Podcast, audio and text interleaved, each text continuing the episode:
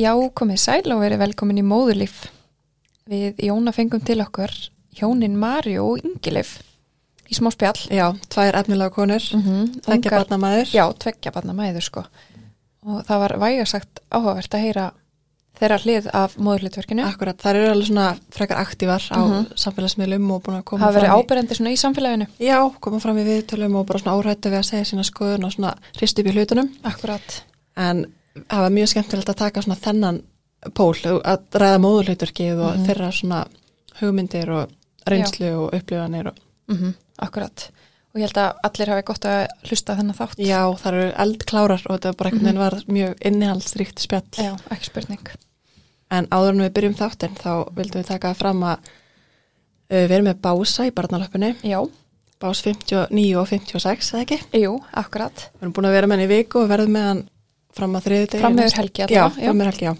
Mm Þannig að hérna, þegar þið eru að hlusta á hann þátt þá, þá getið þið bruna neyri barnalöpu og kíkt á básinni okkur. Akkurat. En við erum búin að vera Duglegar, já, að fylla á og svona, fara og, og kíkja á básinn og mæli með því að fara og fyll- fylla reglulega á og, og taka þess til í honum akkurat. og gera hann svona sölulegri. Já, akkurat, ég reyni alltaf að stilla upp svona einhverjum djúsi hlutum á að ég bekkin sem er hana Já, eða hengi upp á að svona klemmur, og þetta hengt líka á það, gerst þetta svona svolítið að því að þegar maður er að rölda þannig gegnum þá, þá þarf einhvern veginn alltaf eitthvað að grípa augað til þess að maður staldri við og, já, en mér finnst það allavega, þannig ég reyni svona að hugsa út í hvernig er að labba fram í básnum mínu já, sko. það virkar. Já, og líka bara tróði ekki of mikið á hann Já. í einu. Ég reyna að hafa því. bara lítið, ekki lítið, oftar, en bara já. ekki alveg tróði, þannig að maður geti valla sko flett flíkonum. Já, og fara þá frekar oftar. Já, og, og fylla á. Þannig ég mæli með því sko.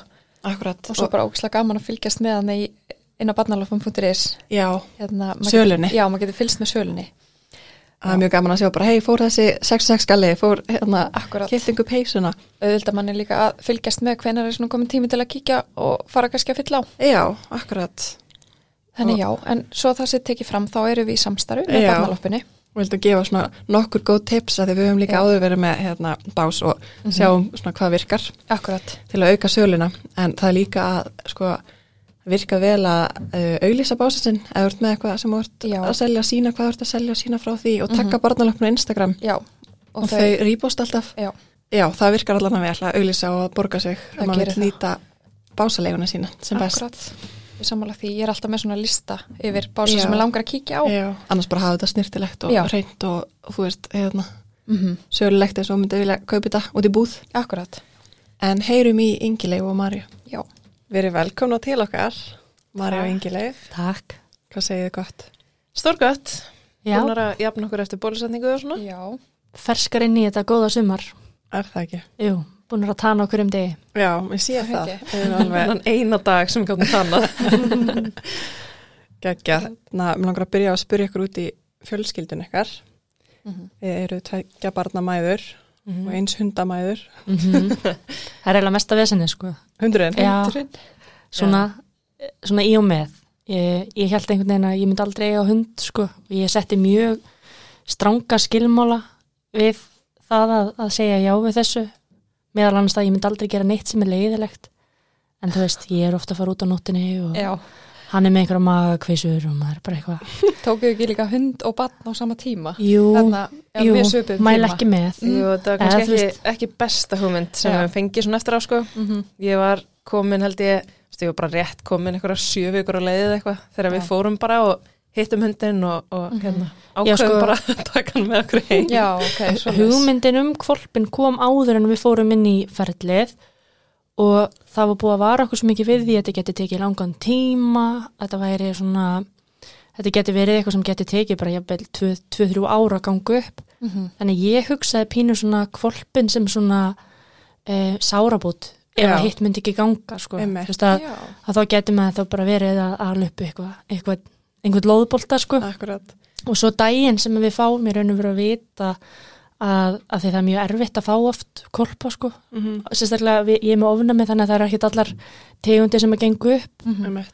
og hérna og daginn sem að við fengum að vita sem þetta fjölskylda vildi okkur þetta er alveg ferlið sko Já. sóttum um þetta og Svona. já, já, þurftum að koma vel fyrir og allt sko og, og hérna skiljanlega. Já, já, veist, það er alveg ábyrð að eiga, eiga hund sko. Mhm. Að þá sem þetta fær Ingilif, ég held að þetta hafi verið bara daginn eftir eða sama dag eða eitthvað sem að það kemur jákvæmt próf. Já, Þannig að þetta kemur svona og við vorum alveg bara svona, úf, ok, byttu, þetta, þetta er að gerast og hérna sem þetta gekk upp í fyrstu tilraun hjá okkur Mhm. sem Já. átti ekki að, þú veist, sem við höfum ekki alveg kannski svona gert ráð fyrir. Já, sem var náttúrulega bara mjög gott samt um, Já, svona í hildina, já þegar á hildina er litið en, en þá svona, það var aðna hagsmunamat í smástundi svo ákveðið að kýla bara á þetta Já. Svona sem er lýsandi sko hvert Mari er komin í þessu ferðleika hvert hundinum að Jóna þú spyrði um fjölskylduna Já, og Mari er bara bara- að taka tíminn að ræða um hundin. já, og svo er það hitt hérna. Það er mjög investu hundamama. nei, en það var svona, þú veist já, hvern, hvernig það komið uppbyrði staðfyrir fyrir hundin og Jú, er þetta ekki hundapodcast? Ræ virkar á hunda. Já, bara við kynna tilfinningarnar hans og hérna.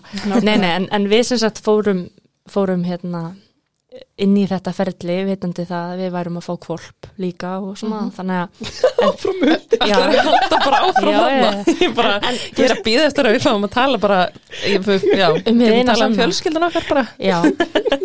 En flott, já, við eigum hund sem sagt. Þetta var það í mjög löngum máli.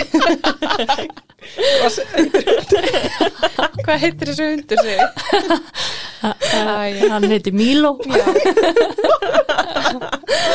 Já, já Já, En ótrúlega krútlegt að þeir fái þá hérna bræður og alast upp saman. Já, það er nefnilega hefur verið Hvað? Þetta er sko, mér langar eiginlega sko að hérna bakka um svona tvö ári lífi okkar og láta Mari hlusta á þessa hljóðklippu bara tróði sér andlitaðan og hún var bara, hún vildi alltaf snerta hunda. Ok. já. Já, en svona úr hundum kannski. Já þegar það Fjölskyldan, Já, já. þegar það kynnist, þá áttið þú strák fyrir. Já. Já, hvað var hann gamall? Hann var fimm ára og hann var að fara að byrja í grunnskóla þegar við kynnumst og hérna algjör snúður þá og ennþá. En hann er þú veist nýfermdur 14 ára. Um, þannig að, að Ingileif er bara búin að vera hluti af hans lífi bara meiri hluta lífs hans. Já, Já, Og- hann emitt bara að verða 14 í ár það er ótrúlega magnað. Það eru næstu í, emitt, það eru 8 ár núna í ár síðan uh, ég kom inn í þeirra líf. Já. og það var emitt svona, hann tók mjög vel á móti mér. Um, hann, ótrúlegt en satt. Já, magnað.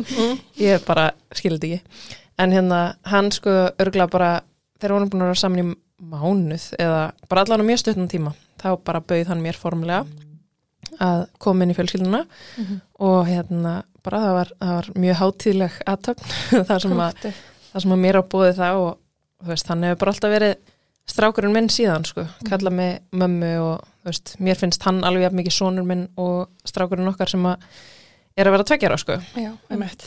Maður sér það líka bara þeir eru bara einhvern veginn jafn mikið mamman Já, já, bara- ég meina En- ég ofta ekkert breyki í þeirra samskipti sko. hann leita miklu meira til Ingileifur ef það er eitthvað sem hann þarf að fá ráð við og, og svona það er bara óbúslega hérna, dýrumætt og fallegt og hann gerir engan greinamun á, á, á okkur sko. jafnvel þó hann hafi mitt verið orðin fimm ára sko. já, að þá einhvern veginn hérna, held ég að hann jafnvel bara muni varla eftir lífinu án hennar sko. nei, Nei.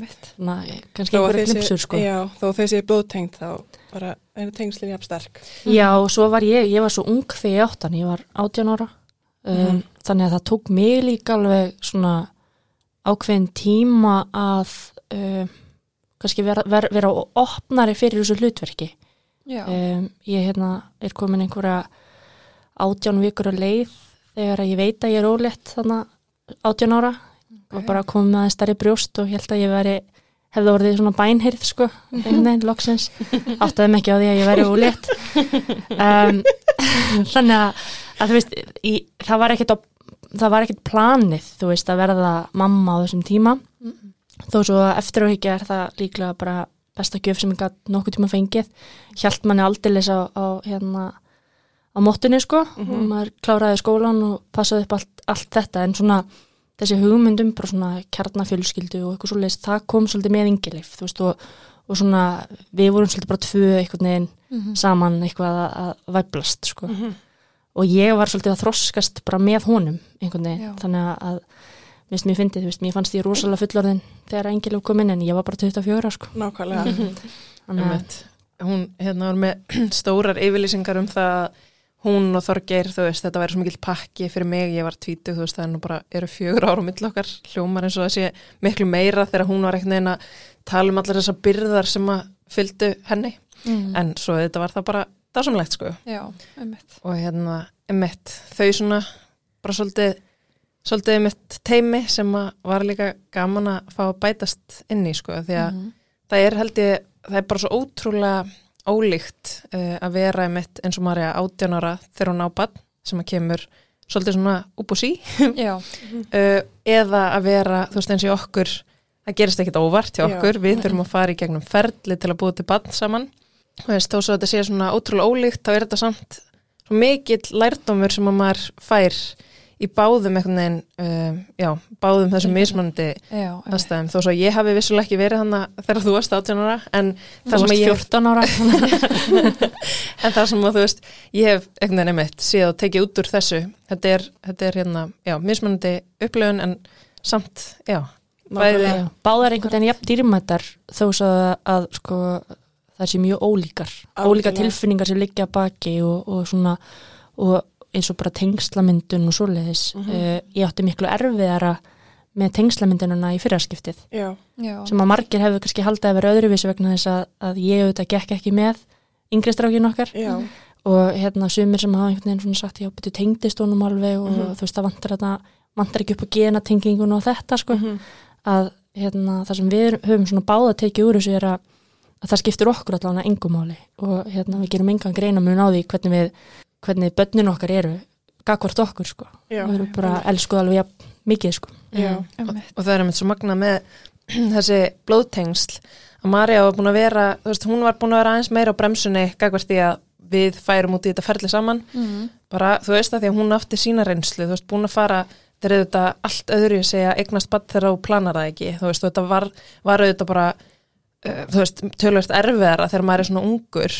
Um, Já, mér fannst við Og- vera loksins komnar á svona, þú veist, hann var orðin, þú veist, 8-9 ára og og við vorum svona farnar að, þú veist, vera svolítið frjálsari, já, þú veist, og ég náttúrulega, þú veist, á meðan að þið voruð hérna 18-19 ára að gera, þú veist, ykkar, þá var ég að, þú veist, gefa brjóst. Nákvæmlega. og svona, þannig að- ég var einhvern veginn svona sá fyrir mig bara, núna getum við bara leikið okkur, við fórum saman til Thailands og gerðum svona alls konar hluti, svo fattar maður bara stuttið setna bara, ok, þú veist, þetta er alveg næs, en, en Mhm. og Já. langar alveg stærri fjölskyldu. Akkurat. Einmitt. Mér langaði um þetta að spyrja ykkur hvort þið hafi alltaf verið svona ákveðnar í því frá því kynnist að þið muni vilja eignast börn saman.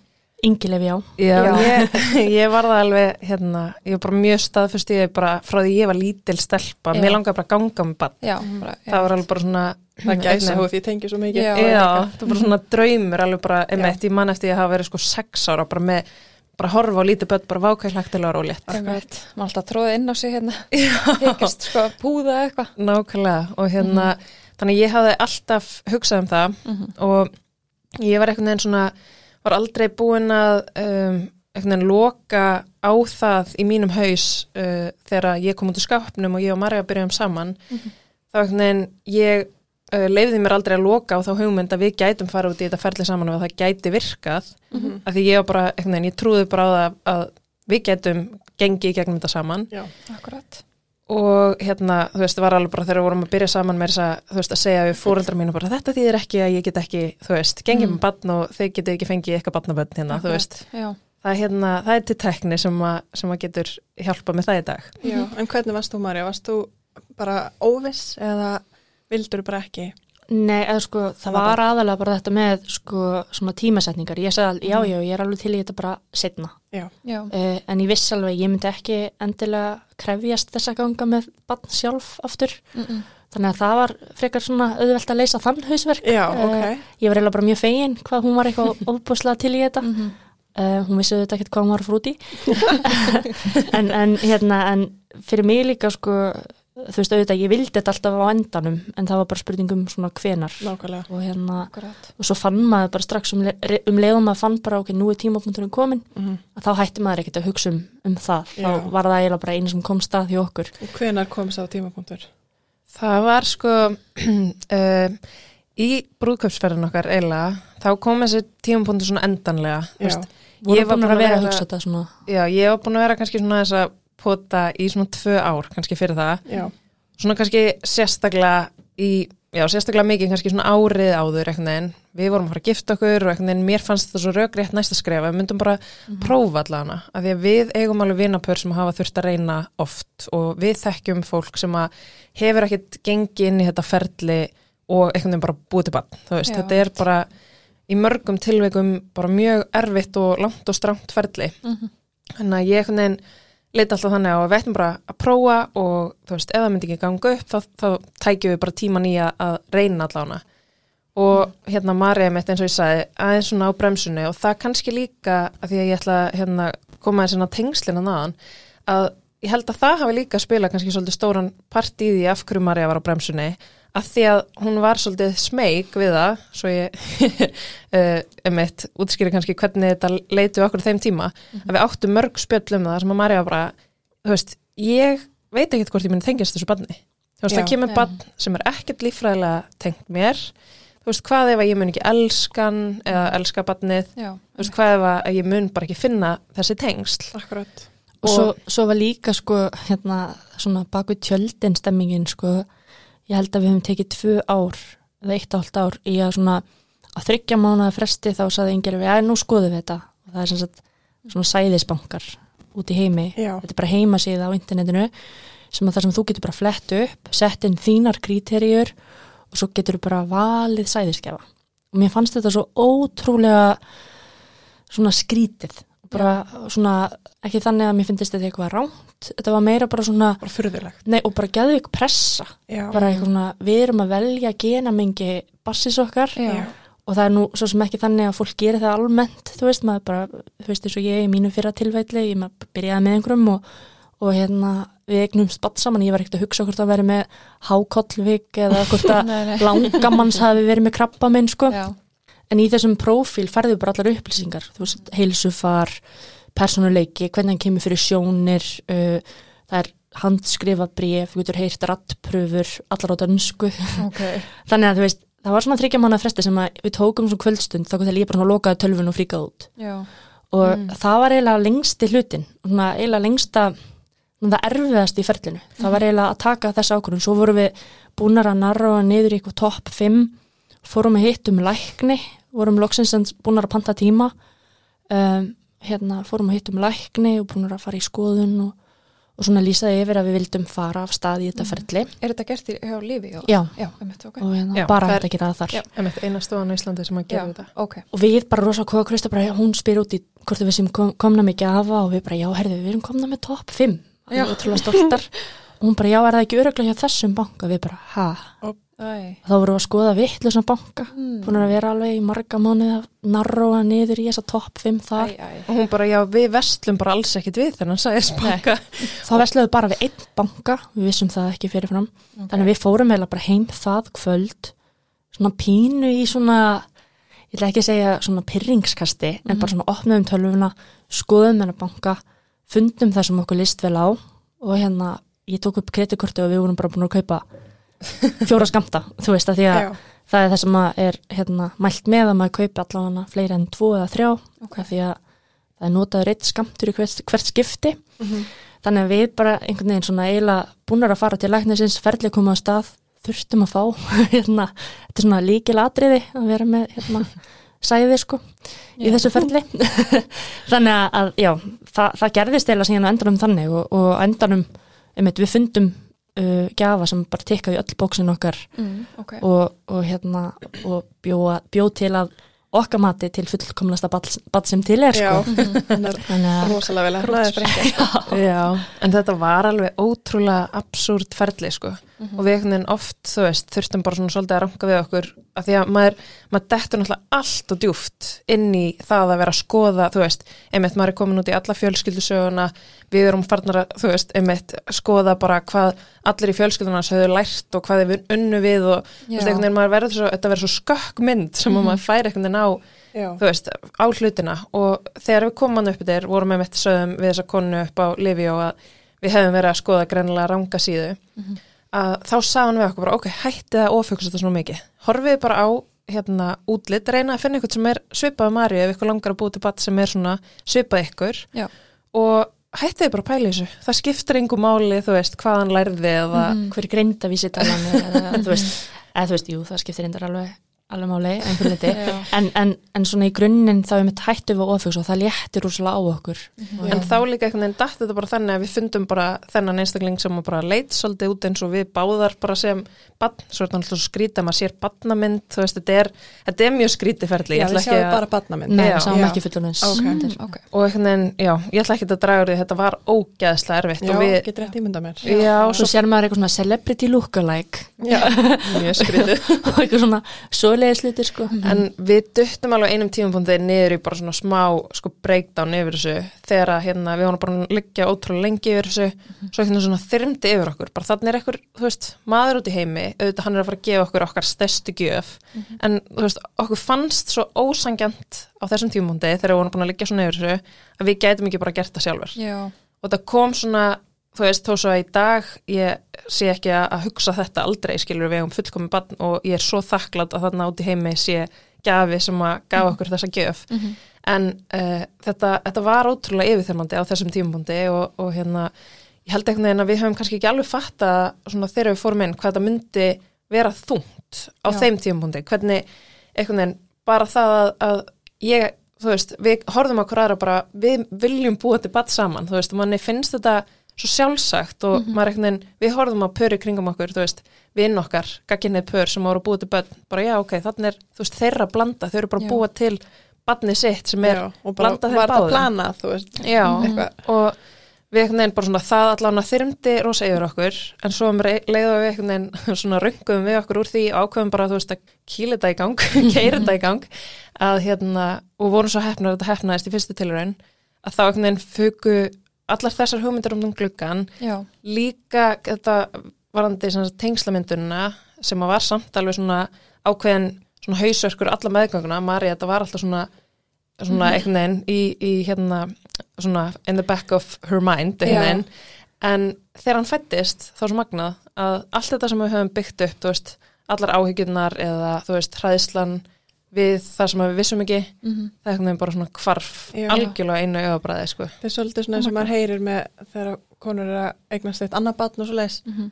Hræðslan við að tengjast ekki batninu og þú veist, Mhm. en þau er náttúrulega ekki blóðtengt. mm. Það kannski verið annað en, en samt kannski líkt bara svona, það, maður heyrir það að þessar áhugir voru, það er Já. klukkan, það gerist hjá mér sko Ég er að treysta á það. Já, akkurat já það, það er líka hérna annað í þessu sko, þetta var náttúrulega lengsta meðganga allra tíma, fannst mér sko vegna þess að rökkvið okkar hann er bara getinn 20. og þú veist 3. november klukkan 11.00 inn á Akkurat. ræknastofu sko og þá þurftu veist, meira þess að þessar auka vikur sem að fara yfirleitt bara í einhverja, einhverja frumuskipti þá Mhm. voru við bara býða.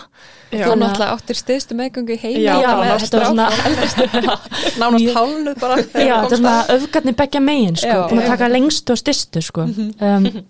Já, daginn sem ég vissi að ég var eriði mamma þá fann ég reyfingar í fyrsta skipti Já. þannig að svona Ok, Þú veist, vá. svolítið steikt uh, og allir óskum mig til hamingju og ég eitthvað, já, um, um mitt. En hérna, en það sem var samt ótrúlega dýrmætt líka og eitthvað sem ekkit öll pör gangi í gegnum er að ég gatt svo mikið sett mig í hennar spór Já. ég hafði gengið með bann þó það hefði ekki verið mjög lengi. Mm, Já, meðvitað, það var alveg að lengi líkamlega, en bara ekki, ekki hausnum á mér uh, en ég hafði líka farið gegnum fæðingu Mhm. þannig ég vissi nákvæmlega hvað makar eiga ekki að gera já. og hvað er eiga helst að gera og bara helst að vera sem minnst fyrir. Og dýrmætt fyrir þeim hérna, að geta að leita í hana sko. Já og, og En reyndar, reyndar náttúrulega hann var hann svo, veist, gamall hérna Þorgir okkar eldri. já, ég myndi rosa lítið sko. Marja náttúrulega átján ára líka, ég held eitthvað svona, já, hvernig var þetta? Bara, þú ert alveg að spyrja ranga mannesku, sko, já. ég er bara ekki hugmynd, man ekki neitt. já, en svona ég myndi auðvitað eftir fæðingunni, maður gleymi því nú Nei, ekki maður glemir því seint sko og svona og, og já, þannig að það var líka okkurslega skrítið að vera maki, sko, af því að svona litli hlutir sem ég hafði aldrei tekið eftir um, sem að við gerum held ég mjög gætnan er til dæmis að ef við vorum út að labba og þú veist, fólk voru óskað til hamingju, þá faðmaði það bara yngileif óskaði henni til hamingju. Já, og ég stóð þarna og var eitthvað svona, "Mm, já, þú veist. Einhvern veginn, og ég hef oft gert þetta sjálf bara eitthvað svona þú veist, óska kannski konunni sem er að ganga með barnið einhvern veginn meira til hamingju en makanum. Já, og líka bara svona þú veist, í þessum aðstæðum inn á spítalunum þú veist, það var alltaf bara að tala vingileif og hérna svoleiðis sem að opnaði svolítið augum mín fyrir sko hlutverkum.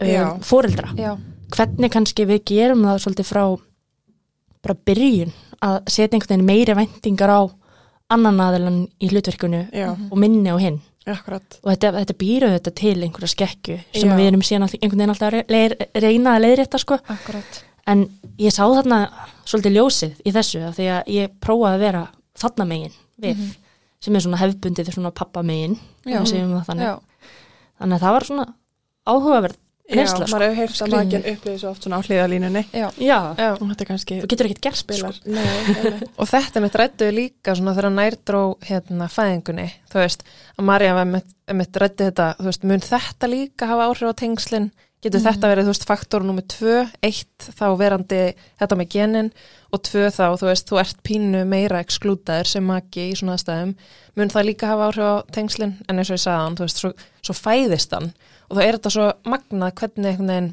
þú veist, allar svona hugmyndir hverfa og staðan er þannig í dag að, þú veist, hann leitar meira í Maríu heldur en í mig, sko. Ok. Og ég er alltaf bara, halló, ég fætti þig viltu kannski líka tala þessu mig, en hann, þú veist, ef hann meði sig og ég tek hann upp þá, þú veist, þá gargar hann bara, mamma, em og vill fara til hennar í staðinn, sko þannig að það er einhvern veginn Svipurinn á Maríu. Já, mér finnst að varpa svo mikið ljósi á hvað genin skipta engum máli einhvern veginn í stóra saminginu. Þetta er svo mikið, þú veist, þegar maður horfir á svona nature versus nurture, þú veist, ég held bara að umhverfið og uppeldið og hlýjan sem þú færð vegi bara miklu, miklu þingra heldur en gen, sko. En það eru líka einhverjar svona rannsóknir sem eru að sína fram á um þetta að bara það að, að hugsa um lítið barn, Mhm. þú veist, það gefur frá sér svo ótrúlega mikið endorfíni og svona ástarhormónum að bara það að vera bara alveg sem er kvolpa, skiljiði þetta er hérna að, að vera einhvern veginn með bara lítið barn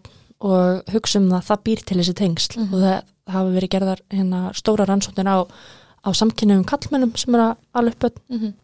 og, hérna, og það kemur alveg fram að einmitt, það, það var einhvern heilinn skoðaður og eitthvað svona og það er svona alveg jafn mikið af svona þessum tengsla hormónum sem koma í heilan hjá þeim og hjá gagkinnum foreldrum Já, sem eru líffræðilega tengdir þannig að, að það var líka svona einmitt, af því maður er líka alveg svona pínu þú veist, að pæli í því einmitt hvaðan komu þessar tilfinningar, þær komu þetta bara með hérna öllum þessum mómentum Akkurat. já, Mm. það er ekkit endilega bara einhverju genatengsl sem að búa Nei. það til sko.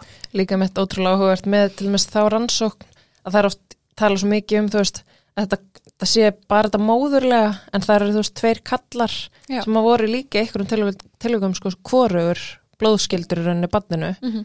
en gátu mynda þessi sömu tengsl og einmitt gerða rannsóknir bara á, á hormónunum og þeir voru bara einmitt í nákvæmlega sama status og hjá, þú veist, Já, gagginja þetta er mjög áhugavert. á endanum snýst þetta allt bara um ást sko, og, og búa til gott umkörfi og, og Öryggi hérna, og- öryggi Mm algjörlega, ég held að það sé svona líkillin að, að góðu fjölskyldulífi sko. Nákvæmlega. maður sér að ykkur tekist það heldur betur já, maður er Já. allan að alltaf að bæta sig en, þú veist Við erum erum- mansi montnar af því sem við eigum að minnstakosti og já. þakkláttar fyrir það líka bara mitt hvað þetta gekk smurt Mhm. Þú veist, eins og við tölum um áðan, við vorum búin að horfa á fólki kringum okkur fara í gegnum þetta ferli og taka mörg áriða Mhm. svo mætum við eins og ykkur skunkar í hérna, eina svona uppsetningu eða þú veist, ekki einu svona uppsetningu þetta er basically bara uh, það sem er kallað hérna um, Tæknisæðing. tæknisæðing. Já, já, Það ekki glasafrögun sem sagt Nei. teknisæðing, tæknisæðing, það er bara svona kalkuna spröta romantísk stund enga Já. síður sko Já, hérna, þú veist, emitt sjötur kallmaður að sprauta þessi með á meðan við Marja horfum á hverjara bara eigum við að leiðast? Já. eða þú veist, hvað, hvað maður að var gera í þessum aðstæðum, þú veist, er þetta þú veist, já, þetta var mjög, mjög hérna svona surrealísk stund. Mm.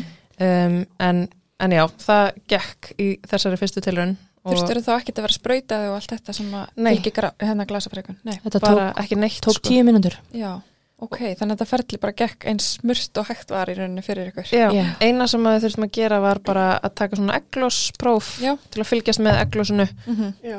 og einmitt engar sprautur, engin hormóna en eitt sem ég þurfti að taka og svo bara kom hann að um, að eglósinu, þú veist það er maður færa á þessu prófi þú veist þá sérðu það er að byrja eglósið og svo þegar það er komið í hámark og þá ringi maður og fær að koma neyrir þér. Mm -hmm. og hérna venjulega ringi maður á þessum degi þar sem þetta er komið í hámark og fær tímadaginn eftir af því að þetta ávist alveg að vera í 48 tíma þetta hámarks eglos en ég veginn fekk bara eitthvað svona tilfinningu og hérna ringdi og spurði bara hvort við mættum koma samdægurs. Mm -hmm. ég veginn hérna ég veit ekki hvað það var, ég fekk bara eitthvað svona instinkt bara já, kannski, kannski er ég með eitthvað minna eglos heldur en aðrir Mhm. kannski endist það eitthvað stittra mér langar bara, þú veist, núna er þetta allavega í hámarki og mér langar Já. bara að fara núna Já. þannig að við fórum og það gekk svona líka vel Frábært. Það náttúrulega er ekki, þú veist, uh, þess, eða þegar þú ferði í glasafrjókun þá er yfirleitt einhvers konar frjósumis vandi já, sem á þessu stað en yngileg var, þú veist, búin að fara í alla skoðanir og það var allt bara fullkomi skilir einu sem að okkur vantaði að mm Já, búa til bann, sko. nákvæmlega. en þið eigið þá fleiri svona Ójú, til þess að þið getið sett upp aftur já, Já, við hefum þrjá skamta fristi. fjóra Já. samkvæmt læknisráði Já. og, og hérna þeir eru bara í, í fristi og við borgum að því bara árs, árgjald og já, já, já, já, já. Þetta er svo skrítið af því að síðan, þú veist, er þetta náttúrulega flutt inn og maður Mhm. borgar ekkert sendingukostna Það er og skattur og tollur og eitthvað, þetta er búða um Þetta það, sko. Og svo einhvern veginn, já, maður borgar eitthvað svona árlegt geimslugjald og þetta er svona, þetta er um eitt pínu, þú veist, við fengum pínu svona tilfinninguna þegar við vorum að gera þetta að við varum að kaupa föt á netinu, sko Já. Já, þetta er veginn, maður að borga eitthvað sendingakostna og eitthvað Mhm. dót heim, sko, og svo liggur þetta bara annað og, og hérna, en Þetta, fyr, Hugsanlega þetta munum við- fyrnist, á, á hvað tíu árum Tíu árum, já. já, Þannig að við þurfum að nýta- þann glugga nýta Ok. tíman fram að því. er nægur tíma er þetta dýrt, ég spyrja? Já, Já, sko, einn skamtur kosta á þessum tíma allavega í kringum 100.000 minni mig. Mhm. Mm. Við keftum fjóra og það var, ekstar, það var rúmlega 400.000 ef ég mann það rétt. pluss tollur og, og geimslugjöldin og eitthvað svona Já, hefur kannski verið í kringum hálfa miljón þá. Já, og hver uppsetning eða svona tækningsæðing kostaði 65.000 Ok. Og svo eru margir sem fara kannski fjó, tvær, þrjár þannig og fara svo í glasa og glasa kostar alveg 400 og eitthvað Já, emmitt. þú veist, bara sápakki sko. þannig að Já. við eigum alveg vinkunni sem fóru upp í tvær miljónir sko, Mm Já. bara í að reyna eigna steittbann Nákvæmlega. þannig að við sluppum bara þokkalega já, einmitt en svo vitum við ekkert hvernig það verður þú veist, ef, að, mm. ef það koma fleiri það er svona pínu sóun að nýta þetta ekki sko já, akkurat Já. bara dýrum að eiga þetta til. Já. Því. Algjörlega, ég er alveg, hérna, sko, mér fannst nefnilega geggjað rólegt og mér fannst geggjað að fæða barn og ég bara svona allt við þessu upplifun fannst mér svo ótrúlega magnað. Þetta, hérna, ég var mjög heppin líka bara með uh, það hvað allt gekk vel. Þú veist, ég átti mjög góða fæðingu, átti góða meðgöngu, uh, þannig að ég veginn er kannski með þetta í ykkur svona glansmynd í hausnum á mér, bara gerum þetta aftur, koma Já. svo. já, En svo er náttúrulega alveg típist að allt myndi ganga Afturfótunum. afturfótunum já, þannig að- einn daginn við erum svona, þurfum kannski aðeins að hérna, andon í maga en, en ég er mjög spennt allána að reyna þetta aftur eitthvað tíman möguleikin er allan að fyrir hendi en við erum svona búin að sammælast um að veist, þessir skamtar er það sem er til mm -hmm. og svo bara verður það sem að verður sko. Já. já, akkurat veist, við erum líka rosalega ánaði bara með, með okkar fjölskyldi sko. einmitt, Mm. mér var svo fallegt áðan þú varst að spjalla við okkur áðan hérna, Ingilef, og kallar þetta lífgjafa já, ekki sæðisgjafa, mér finnst það mér finnst það flott. Já, Já. við hefum einmitt svona svolítið uh, verið að nota það orða því að einmitt, sko það eru margir sem að nota bara orðið pappi þú veist, við höfum Já. oft fengið spurninga bara hver er Hver er pappin og, og uh, það orð nota. Og það er svona fyrir samkynja pör, Mhm. þú veist, tvær konur þá er þetta oft eitthvað sem að stingur svolítið já, af því að þó svo að við höfum þurft hjálp til þess að geta búið til strákin okkar að þá á hann ekki pappa, þú veist. Hann á lífgjafa, emitt, sem að gaf hann um líf. Og það er emitt, okkur finnst það svolítið falleira heldur en að segja sæðisgjafi. Já, akkurat. Ég hef aldrei heitt þetta mér finnst þetta mjög falleg Já. hérna nálgun, sko. Mér langaði um þetta að spyrja út í hérna, hvort það hafi reykist á einhverju svona veggi í kerfinu sem hins eginn fóreldrar. Sko, um, já, að ákveðin leiti, það, voru, það er svona nokkri hlutir sem að við höfum svolítið vel verið að hérna, benda á sem að okkur uh, þætti að mætti laga bara samstundis. Það er, er Mm. nefnilega sérstaklega til dæmis það uh, að þegar að við eignuðum strákin okkar, hann fættist að þá venjulega hjá fóreldrum þá er, veist að því að það er hérna í gildi regla sem að heitir pater est til þess að fara út í svona smálagfræði Mhm. eh, nálgun en hún sagt gera það verkum þessi regla sagt fólk, par sem er í hjónabandi eða sambúð sem eignast bann uh, þar verður já. Þar, þar sem er sagt pappi Já. að þar verður, eða þar sem er bara kallmaðurinni, þar verður hann uh, skráður sjálfkrafa pappi batsins, Mm. sama hvers, veist, hvernig þetta batni getið þú veist, ef að konan uh, varð óleitt eftir annan mann eða þú veist, ef þau fór, fóru í glasafrjókun þar sem að var nota gjafasæði þú veist, bara ef að þau eru í hjónabandi eða sambúð, þá verður hann alltaf sjálfkrafa skráður faðir Já. í kerfinu Ok. Uh, en hjá okkur þá sem sagt gildir þessi að því að það er ekki kallmaður Mhm. í okkar sambandi. Mhm. Þannig að það sem að við þurfum að gera þá þegar hann fættist þá þurfti Marja sko, við þurftum fyrirfram að vera búin að skila inn svona vottorið þar sem ég þurfti að skrifa upp á það að ég samþykti að hún væri fóreldri batsins Ok. og Ok. svo þegar hann var fættur þá þurftum við að skilin í rauninni pappir þess efnis að, að hann væri fættur emitt og ég þurfti að aftur að veita þessa, sam, þessa staðfestingu á því að, að hún væri vissulega hitt foreldrið. Já. Þannig að við þurftum í rauninni að sækja um, hún, hún þurfti í rauninni að sækja um þó svo að það séu þetta alltaf samþygt en þú veist það að þurfa einhvern veginn að fara í gegnum það skref að þurfa einhvern veginn að staðfesta á sért foreldri Já. batsins okkur fannst það, þú veist, mér finnst þetta skakt í kerfinu, mér finnst þetta samanlega því. Það var líka sko með fæðingarólofi, ég hefði ekki getað fengið, þú veist, orlofi eða verið viðukend sem fóreldri nema vegna þessa.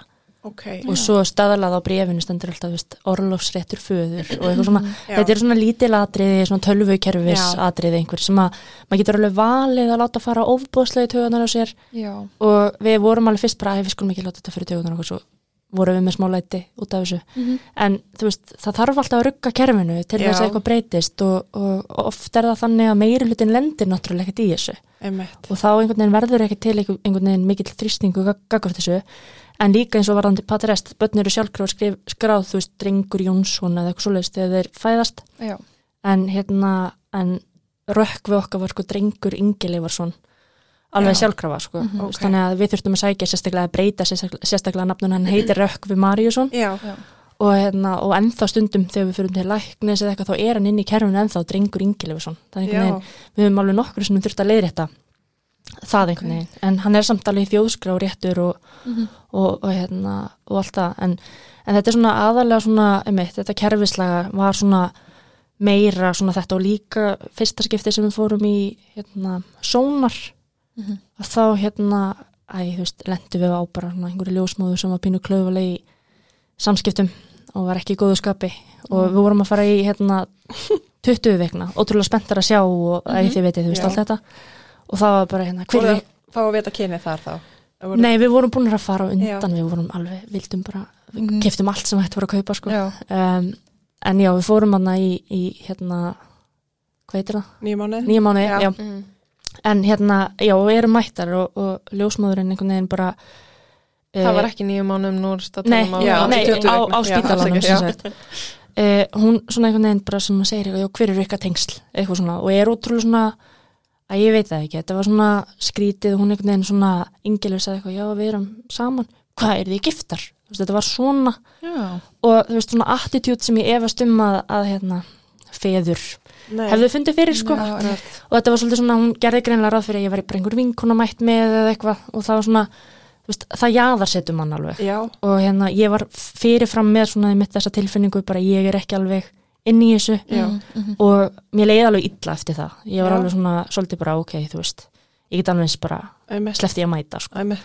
En hérna, en svo bara töluðu við okkur í gegnum það og, og ég Já, fann aldrei já, já, og þú veist, og ég, ég og Ingileif vorum alltaf bara óbúslega, hérna, potið teimi í þessu öllu saman, en Mhm. þetta var bara svona þetta, þess, þetta moment, sko Já. En svo er þetta bara, þetta er svona, þetta er alls konar svona formsatrið sem að ég vona að fari bara að breytast, þú veist, þetta er ennþá til mest þegar hann fór til dagmömmu strákurinn okkar að þú veist, þá stendur alltaf móðir og svo faðir, við þurftum alltaf að vera að strika yfir faðir og skrifa móðir, veist, og það er svona, þetta verður alveg þreytandi en okkur hefur fundist, þú veist, okkar nálgun á þetta hefur frekar verið sko að benda á þetta Já. og tala um það, jável ofinberlega bara til þess að reyna að þrýsta í gegn. Já. heldur hún að vera eitthvað brjálæðar yfir því eða þú veist að vera sorgmættar yfir því þú veist höfum um eitt frekar bara bent á það og vona að, að það er einhvern veginn af því flestum finnst Breytist. þetta líka bara absúrt, þú veist, Já. þetta er bara eitthvað staðalega bréf sem að þarf bara að breyta Já, sem eitthvað búið að vera til bara í hundra ár, sko, enginn Já. að pæli því.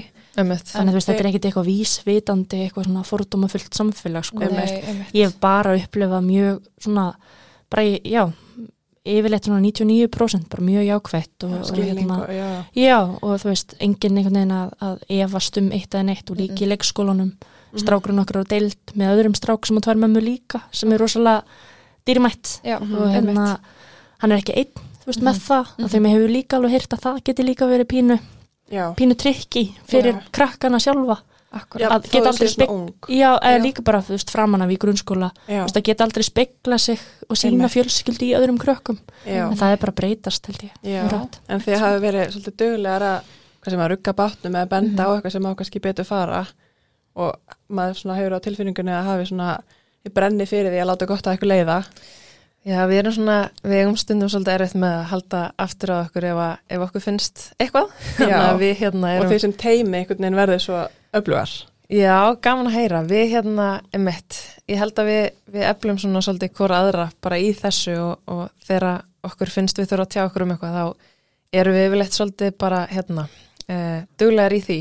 Og það líka hefur bara hjálpað okkur uh, í gegnum alls konar. Til Já. dæmis bara, þú veist, við fórum í eitthvað viðtal uh, þegar uh, strákurinn okkur var nýfættur og hérna, það var kommentakerfi á þeim miðli þar sem að fór bara, það kom bara mjög ljót komment þar sem að, hérna, einhverju svona af eldri kynsluðinni fór að tala um að, að það væri ónáttúrulegt fyrir badna ekki föður um, og að hérna, við varum nú að innræta eitthvað, veist, eitthvað inn í badnið okkar og ég man ekki eins og hvað þetta var, þetta var bara mjög, já, bara mjög ljót komment og hérna uh, sem og, að Þorgir fær þá uh, nei, Nei, nei. þetta var þegar Þú varst ólétt. hérna, já, ég var Já, ólétt, já. þetta var, við vorum að tala um tala um það að við værum í rauninni í þessu ferli og það var í rauninni verið að kommenta á það að við Já. værum að búa til badn það tvær saman og Já. hérna þannig með þetta, þú veist, við ákveðum líka að nota þetta og þegar, þegar við finnum eitthvað svona þá höfum við yfirleitt einmitt ákveð að nota bara til þess að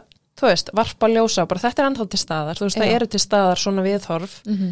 uh, reynum að uppbreyta þau þú veist, við skulum ekki taka þetta og vera bugar yfir því í mánuð Mhm. þú veist, sínum þetta frekar sínum bara, heyrðu, það er fólk sem að, sem að tala svona og það er hægt að uppbreyta við þurfum bara að tala meira um það og við höfum reynt allavega okkar besta við að taka þessar umræður bara eins og við getum, þú veist, erum með fræðslu vettvang sem heitir hins einleikin og höfum tekið þar bara alls konar svona umræður Mhm. uh, vegna þess að við trúum því allavega að bara með því að auka umræðuna, með því að vera sínilegar með því að vera með læti Mhm. að þá hérna, getum við breytt viðhorfum þannig að það er klálega þannig að maður myndi bara alltaf láta allt slæta þá bara einhvern veginn Nei, þá gerist ekki breytist neitt, ekki neitt, sko. og, fær ekki fólk til að hugsa eða það er, einmitt, ef þú þarft ekki að hugsa þetta veist, þetta ruggar ekkert þinni tilveru. Mhm. þú veist, af hverju ættur þá einhvern veginn að pæla í þessu nema einmitt þegar einhver bendir á þetta og hugsa, já, býtu um þetta er ennþá svona.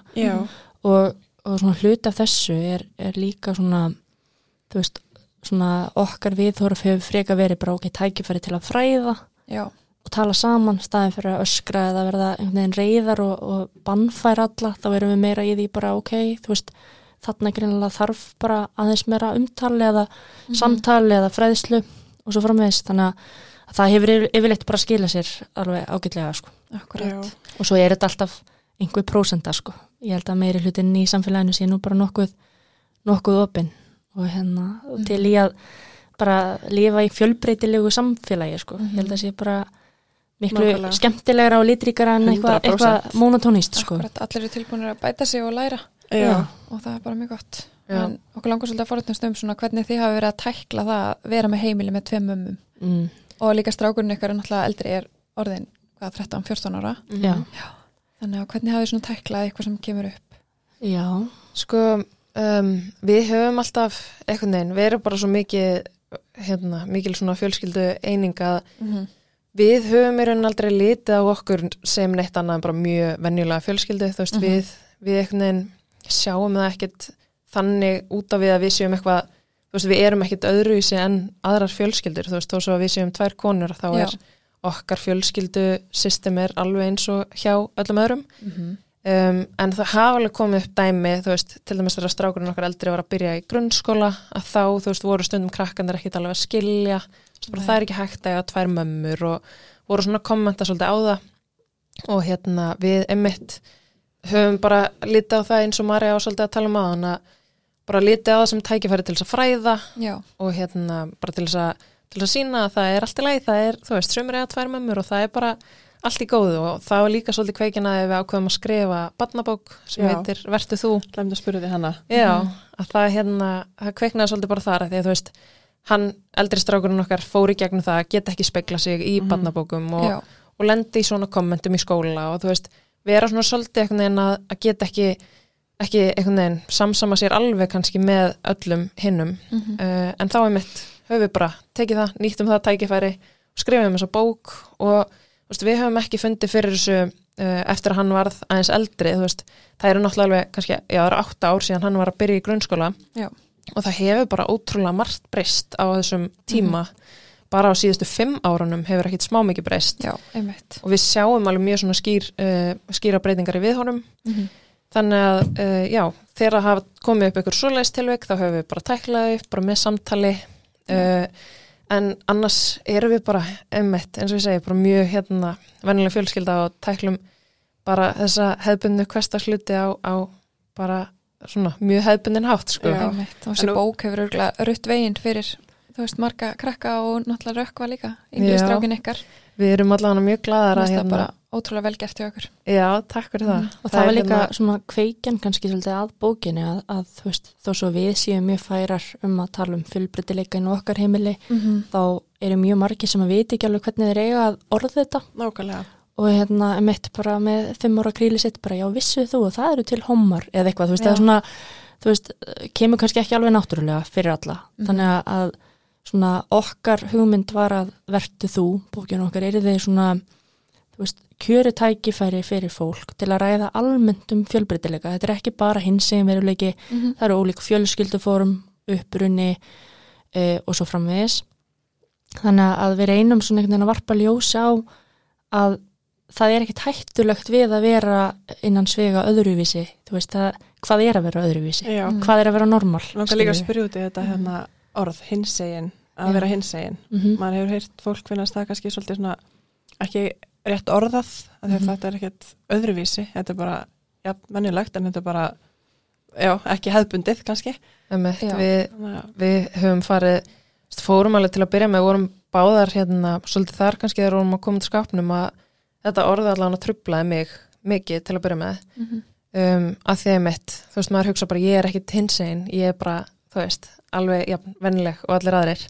En svo einhvern veginn þegar við fórum að, að sökka okkur svolítið onni þessa baráttu að þá uh, svona, læriðum við aðeins meira um þetta orð og bara hversin þetta er notað. Og þetta er auðvitað bara svona reglívar heiti yfir uh, bara þessa flóru, þú veist, þetta er uh, samkynniðir, tvíkynniðir, pan, þú veist, transfólk og intersex fólk. Og þetta er, þetta er reglíf fyrir alla þessa LGBTQIA plus hérna mm hópa. Einmitt. Og hérna þetta er í rauninni sko, þetta er í rauninni gert í háði að nota þetta orð. já, er það ekki? Jú, þetta er, það er verið að taka orð sem er notað á niðrandi hátt og það er verið að búa, þú veist, það er verið að valdefla þetta eins og er bara gert með orðið drusla í druslugöngunni, að það er tekið og er, því er gefin ný merking. Já, Akkurat Þannig að, bara rokka orðið eins og því að Já. nota hinsegin leikin já, þú veist. og það er einhvern veginn eitthvað sem að hérna, við höfum svona, eftir að við meitt sögtum okkur svolítið onni þetta, bara notað og sko blasta því að, Mm. að því að mér þykir mjög vænt um það í dag. Já,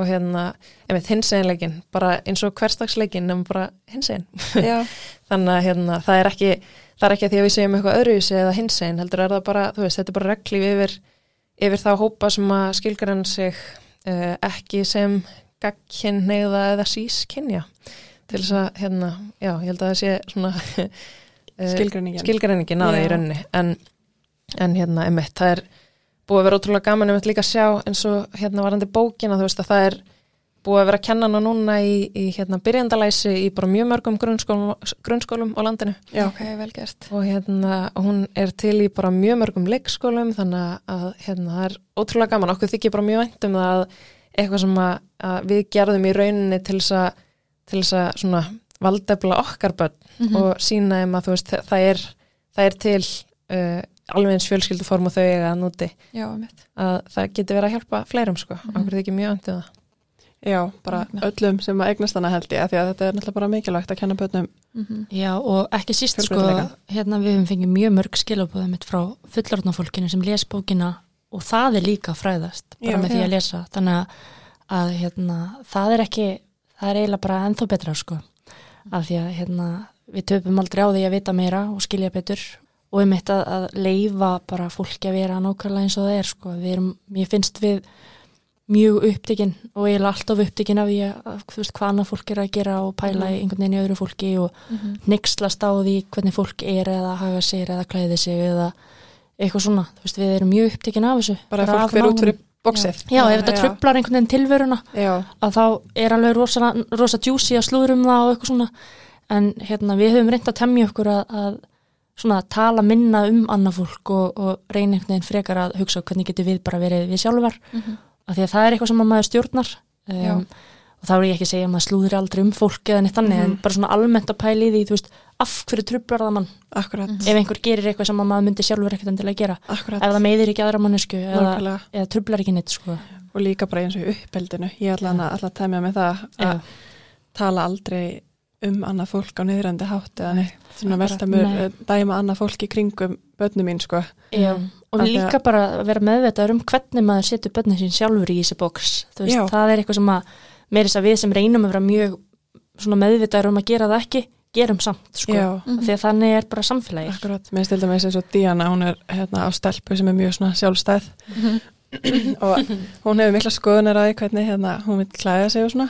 Mhm. og Diana er náttúrulega hérna, mjög smart og með flótan smekk og myndi klæða sjálf, stótti sína sjálf allt öðru sig Mhm. en embla misti það bara í fyrirhilda kjól og fær bara að vera í glimmersokkabuksunum sínum og gullskonum ef hún vil sko. Sem og hún er bara tjáning, sáttust sko. Bara, Mhm. og Henni fer bara út úr flottust. og finnst hún flottust og hefur skoðanir á þessu mm. sem er ótrúlega valdeflandi fyrir Já. lítið badd sko. og þarna verð ég að setja mig aðeins til hliðar bara Já. og Já. leifa henni sko og hef gert það bara alltaf og já, Einmitt. finnst þetta mjög mikilvægt og Já, eitthvað sem margir kannski fatt ekki að Akkurat. hérna hafi rosalega áhrif sko Algjörlega og þetta, þú veist, þetta heldur alveg áfram og mun halda áfram, ég meina Mhm. við erum með úling núna og við, þú veist, maður kontrólar það ekki neitt sko, Nei. Það er bara, hann er með mjög sterkar skoðunar á því hvað hann vil gera og, og hverju hann vil klæðast og, og, en það er bara þegar maður sér líka, þú veist, eins og maður sér, maður sér þetta svo skýrt á að mitt líka úlingi, þú veist, Mhm. þetta bara, þetta er svo mikið sjálfsmyndamál já, að við myndum aldrei nokkuð tíman taka það í burtu frá honum af því að veist, þetta, það eflir hann svo mikið að fá að tjá sig á sinn einhátt já nákvæmlega, þetta Já. er svo mikið spurningum það, bara Mm. mm. svo sjálfsmyndina fyrir við allir gegnum tímabil sko, veist, og, og, hérna, og þau tákna samt eitthvað og þegar maður lít, lítur tilbaka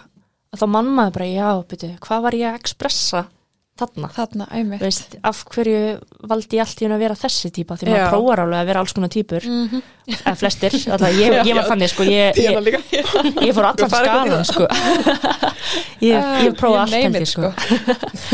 Ég vel að einhvern veginn að vera bara í einhverju bóksi já, í alvörunni sko. Já. Ég hef ekki verið eins og þú hefur tekið alls konar hvað varst þú að gera? Bara, herri, ég var alveg sérstaklega, ég held að þessu eftirminnilega stjófleistum hérna rockara tímubili mitt sko. Já, já, ég kom, lappa til díun og ég heyrði bara í tveim göttum frá að hún var að hlusta á Iron Maiden eða hvað það heitir. Algjör töfari sko. Almennilegt. En Já, það er einmitt svo, Ælaner yes. og var svo bara mesta músin inn við beini Já, sko alveg, það fylgir oft. En mér langaði að spyrja ykkur svona upp í, hérna um uppbyldsaðferðir hvort það sé eitthvað svona úr ykkar uppbyldi sem þið viljið tilengungur og hafi verið að gera? Eða hafið Um. eitthvað pælt í því, þú veist? Ég veit að við Jóna gerum það mikið allavega svona, eða hvað þið vilja ekki. Já, já, líka, það, líka það, einmitt. Marja horfum mjög sposk hérna, hérna á kantin Ertu með Excel-skjal yfir þetta eða? Nei, ég held að hún hafi bara fengið sko hvað þú vilt ekki gera. Ok, já, Þannig að kannski já í sínu hérna- uppbyldi Já, já, já, ok. Í, í og með, í og með. Mm. það eru auðvitað alveg einhverju hlutir sem að, hérna, maður tekur með sér. En, en, Mm. en ég er svona já, ég, hef- ég hef meira einhvern veginn bara haft óbúslega gaman að því að finna bara sjálf svona eitthvað flæði með okkar börnum. Já. og hvernig við svona náum hérna svona að búa til gott umhverfi. Mér finnst það einhvern veginn skipta mestu máli að hérna að heimili sé hlýtt að það sé gott að vera heima já, e, það er opið Mhm. þú veist það megi alltaf allir koma og hérna það er öryggi e, það er ekki óregla það Mhm. er hérna e, alltaf til þú veist matur og allt þetta sko hún er þessi grunn hlutir sem að hérna, ég held að, að ég svona tek út úr mínu svona minni æsku sem var ekki kannski svona, þú veist, við getum alveg sagt að hún var ekki það kannski, mm, orðið var ekki stabilt, skilur veist, það er hérna Skil. ég er alveg upp á flatiri eftir snjóflóð Mhm. og ég held að fullotna fólki var bara svolítið í áfalli og, og hafði kannski ekkit mikið svona pláss fyrir okkur krakkana eða allavega ekki inn á mínu heimili Nei. þannig að, að þó svo ég og mamma í dag erum bara ótrúlega nánar og hún veit þetta allt sjálf sko, Já, Já. ok. að hún svolítið er að blómstra bara í ömmu hlutverkinu núna um, að það svona það var alveg pínu sjokk fyrir mig þegar ég byrjaði mingilef og sjá, sá svona hvernig hennar fjölskylda er því að þau eru svona ekstrím fjölskylda. Já, og ég kunni ekkert á þetta, ég var bara, þau voru alltaf að gefa einhverja gjafir og segja ég elska þig og eitthvað, og ég var alltaf bara eitthvað eins og eitthvað krump, sko algjörlega krumpuð yfir þessu öllu saman, þannig að- að við svona við tölum alveg um það, við bara ákváðum svolítið að, þú veist, setja línuna við hérna fortíðina einhvern veginn. Mhm. Og búa bara til okkar svolítið hérna svona hefðir og, og svona, svona grunnreglur í uppeldi Já. veist, við leggjum mjög mikið upp úr því að, að virða tilfinningar Já. uh, að leifa þeim að vera eins og eru tala um tilfinningar loka ekki á þær Já. um, samt alltaf með ákveðin ramma um, rútína er eitthvað sem að við leggjum mikið upp úr um, yngri strákunum okkar hann bara er algjör rútínu kall sko og fyrir Já. vikið sefur bara ótrúlega vel og, og hérna rosa geðgóður og, og hérna og bara í góðum gýr yfirleitt Einmitt. þannig að það er svona, já, kannski Já, og það er kannski einn helst sko, einmitt að því að hérna, uh, við vorum alveg bara mjög svona ákveðnar í báðar og það er kannski auðvitað stafar af svona óreglu sem að Mari uppliði Mhm. að uh, við vildum alls ekki að börnin okkar myndi nokkuð tíman upplifa einhver óreglu. Og ég er alveg upp á heimilega sem að var eiginlega ekkert drukkið, þú veist, pappi minn bara bindindismæður og hérna var ekkert í rauninni minni uh, badnæsku um drykju Nei. og hérna, og mér fannst það mjög dýrmætt þú veist, að hafa alltaf öryggi.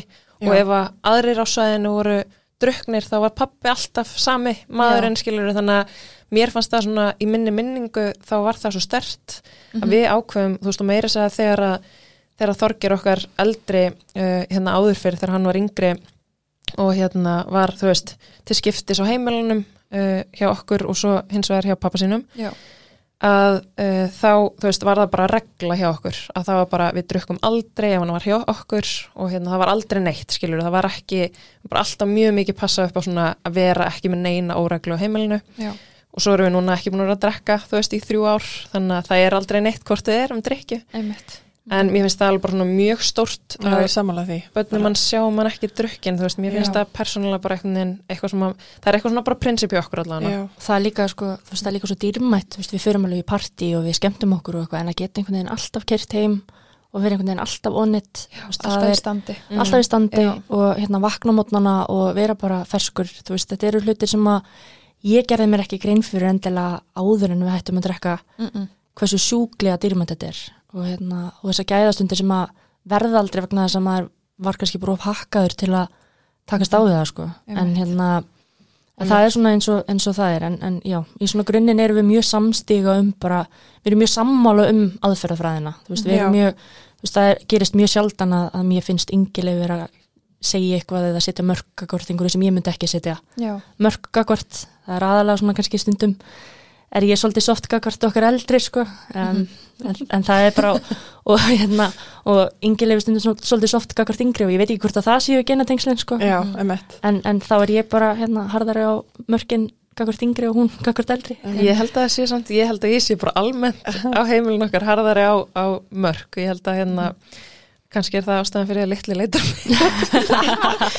ég er, Er ekki bara strákari mamman samböndum? Jú, en, en við erum svona, emitt, það er, þú veist, við hefum ekkit verið eitthvað að nota eitthvað ákveðna uppeldis aðferð, þú veist, við erum alveg búin að lesa til, alveg lesa okkur til um alls konar, þú veist, höfum lesið um ræð til og með svo, höfum lesið hérna um svona ymsar aðferðir, þú veist, Marja er með BS gráði sálfræði, þannig að við erum svona þekkjum uh, alls konar aðferðir í þessu allir saman, Mhm. en við höfum reynd að taka bara svona út það sem að okkur finnst henda Já, um, tilfinningar emitt er eitthvað sem að hérna, við höfum bara séð líka það er svo, það er svo ótrúlega emitt mikill munur á því að eiga lítið barn og eiga svo úling og við höfum bara séð svo mikið í gegnum hans bara grunnskólagöngu eldri stráksins okkar. Mhm. hvað bara tilfinningar geta verið stórar, sérstaklega síðan þegar maður er orðinn úlingur, þú veist, hvað, hvað tilfinningar eru einhvern veginn uh, já, bara hvað er mikilvægt að horfast við þær og tækla þær og samþykja þær Mhm. hjá barninu og, eða hjá já, ykkur eða hjá barninu bara í Já. rauninu og þú veist, og já, fara í gegnum það bara með barninu og, Við segjum ekki yngri til dæmis bara að hætta að gráta eða Já. eitthvað svolítið, hann fer bara að klára og Já. hérna stundum tekur það, þú veist, einhverja mínútur en hann er yfirleitt, hann er mjög fljótur upp og fljótur niður líka, Mhm. sem er kannski svona, hefur ekki reynd það mikið á þólmaðina hjá okkur, kannski breytist það en, en það er svona eitthvað sem að hérna, við höfum svolítið tekið út að þú veist að einmitt ekki, þú veist, ef hann er einhvern veginn komin í einhvern gýr og þau þekki þetta, þú veist, bara þú veist, brjálaður yfir því að hann fá ekki eitthvað eða gera Mhm. eitthvað, þú veist að við reynum að, þú veist, kaupa hann ekki með einhverju öðru, þú veist, Akkurat. heldur bara meira að leifa hann að klára þetta, Já. Mhm. þú veist, og, og yfirleitt er þetta bara búið eftir bara, Já, 30 oft, sekúndur, oft þau bara uh, smá skilning og bara, já, þú veist, bara eða bara klára þetta, Já. þú veist, þetta er oft líka bara að þau eru, þau eru þreytt eða svöng eða þú veist, það er eitthvað, þú veist, Mhm. og svo eru þau bara þroskast á fullu.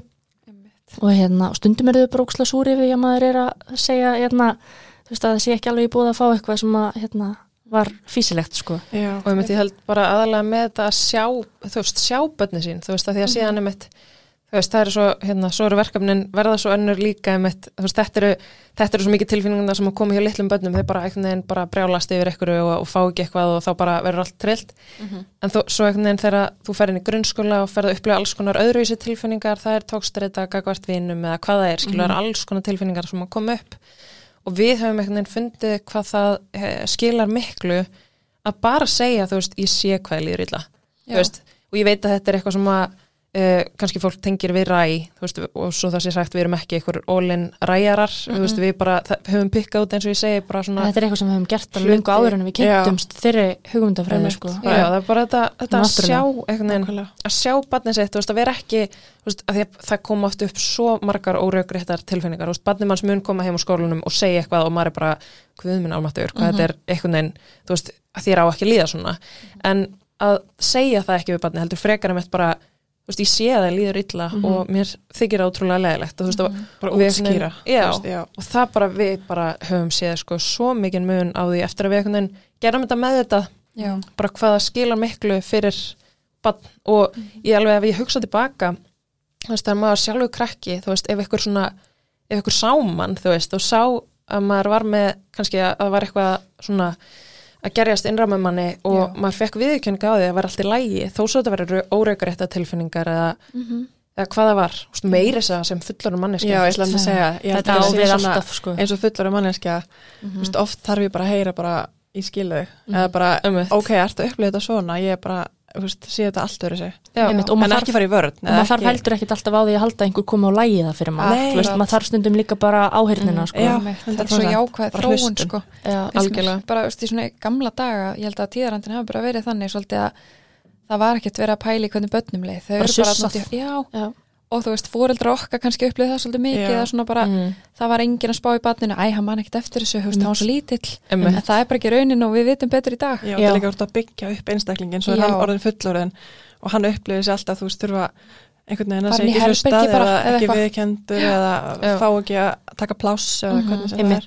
Og, og það er líka, þú veist, þessar rætur eru svo djúpar, veist, og, og við erum öll með okkar rætur og þú veist, Mhm. þeir sem eru haldnir, þú veist, þunglind og kvíða og fullurins árum reykja það yfirleitt til æskunar, þannig að þetta er ótrúlega dýrmættur og, og mikilvægur tími og hérna, og við höfum líka alveg lagt okkur fram við það allan að ég, ég kannski aðeins meira en yngilef að setja mig bara mjög, mjög, mjög vel inn í áhugamál uh, bassis okkar er sérstaklega eldri þú veist, ég hérna veit ekki hversu marga Pokémona ég hef veitt og, og ég kann alveg á Playstation og, veist, en það eru bara gæðastundir veist, að, að líka bara mæta börnunum hans þú veist, Já, nákvæm alltaf bara geggið kippa að gera, verður bara að segja.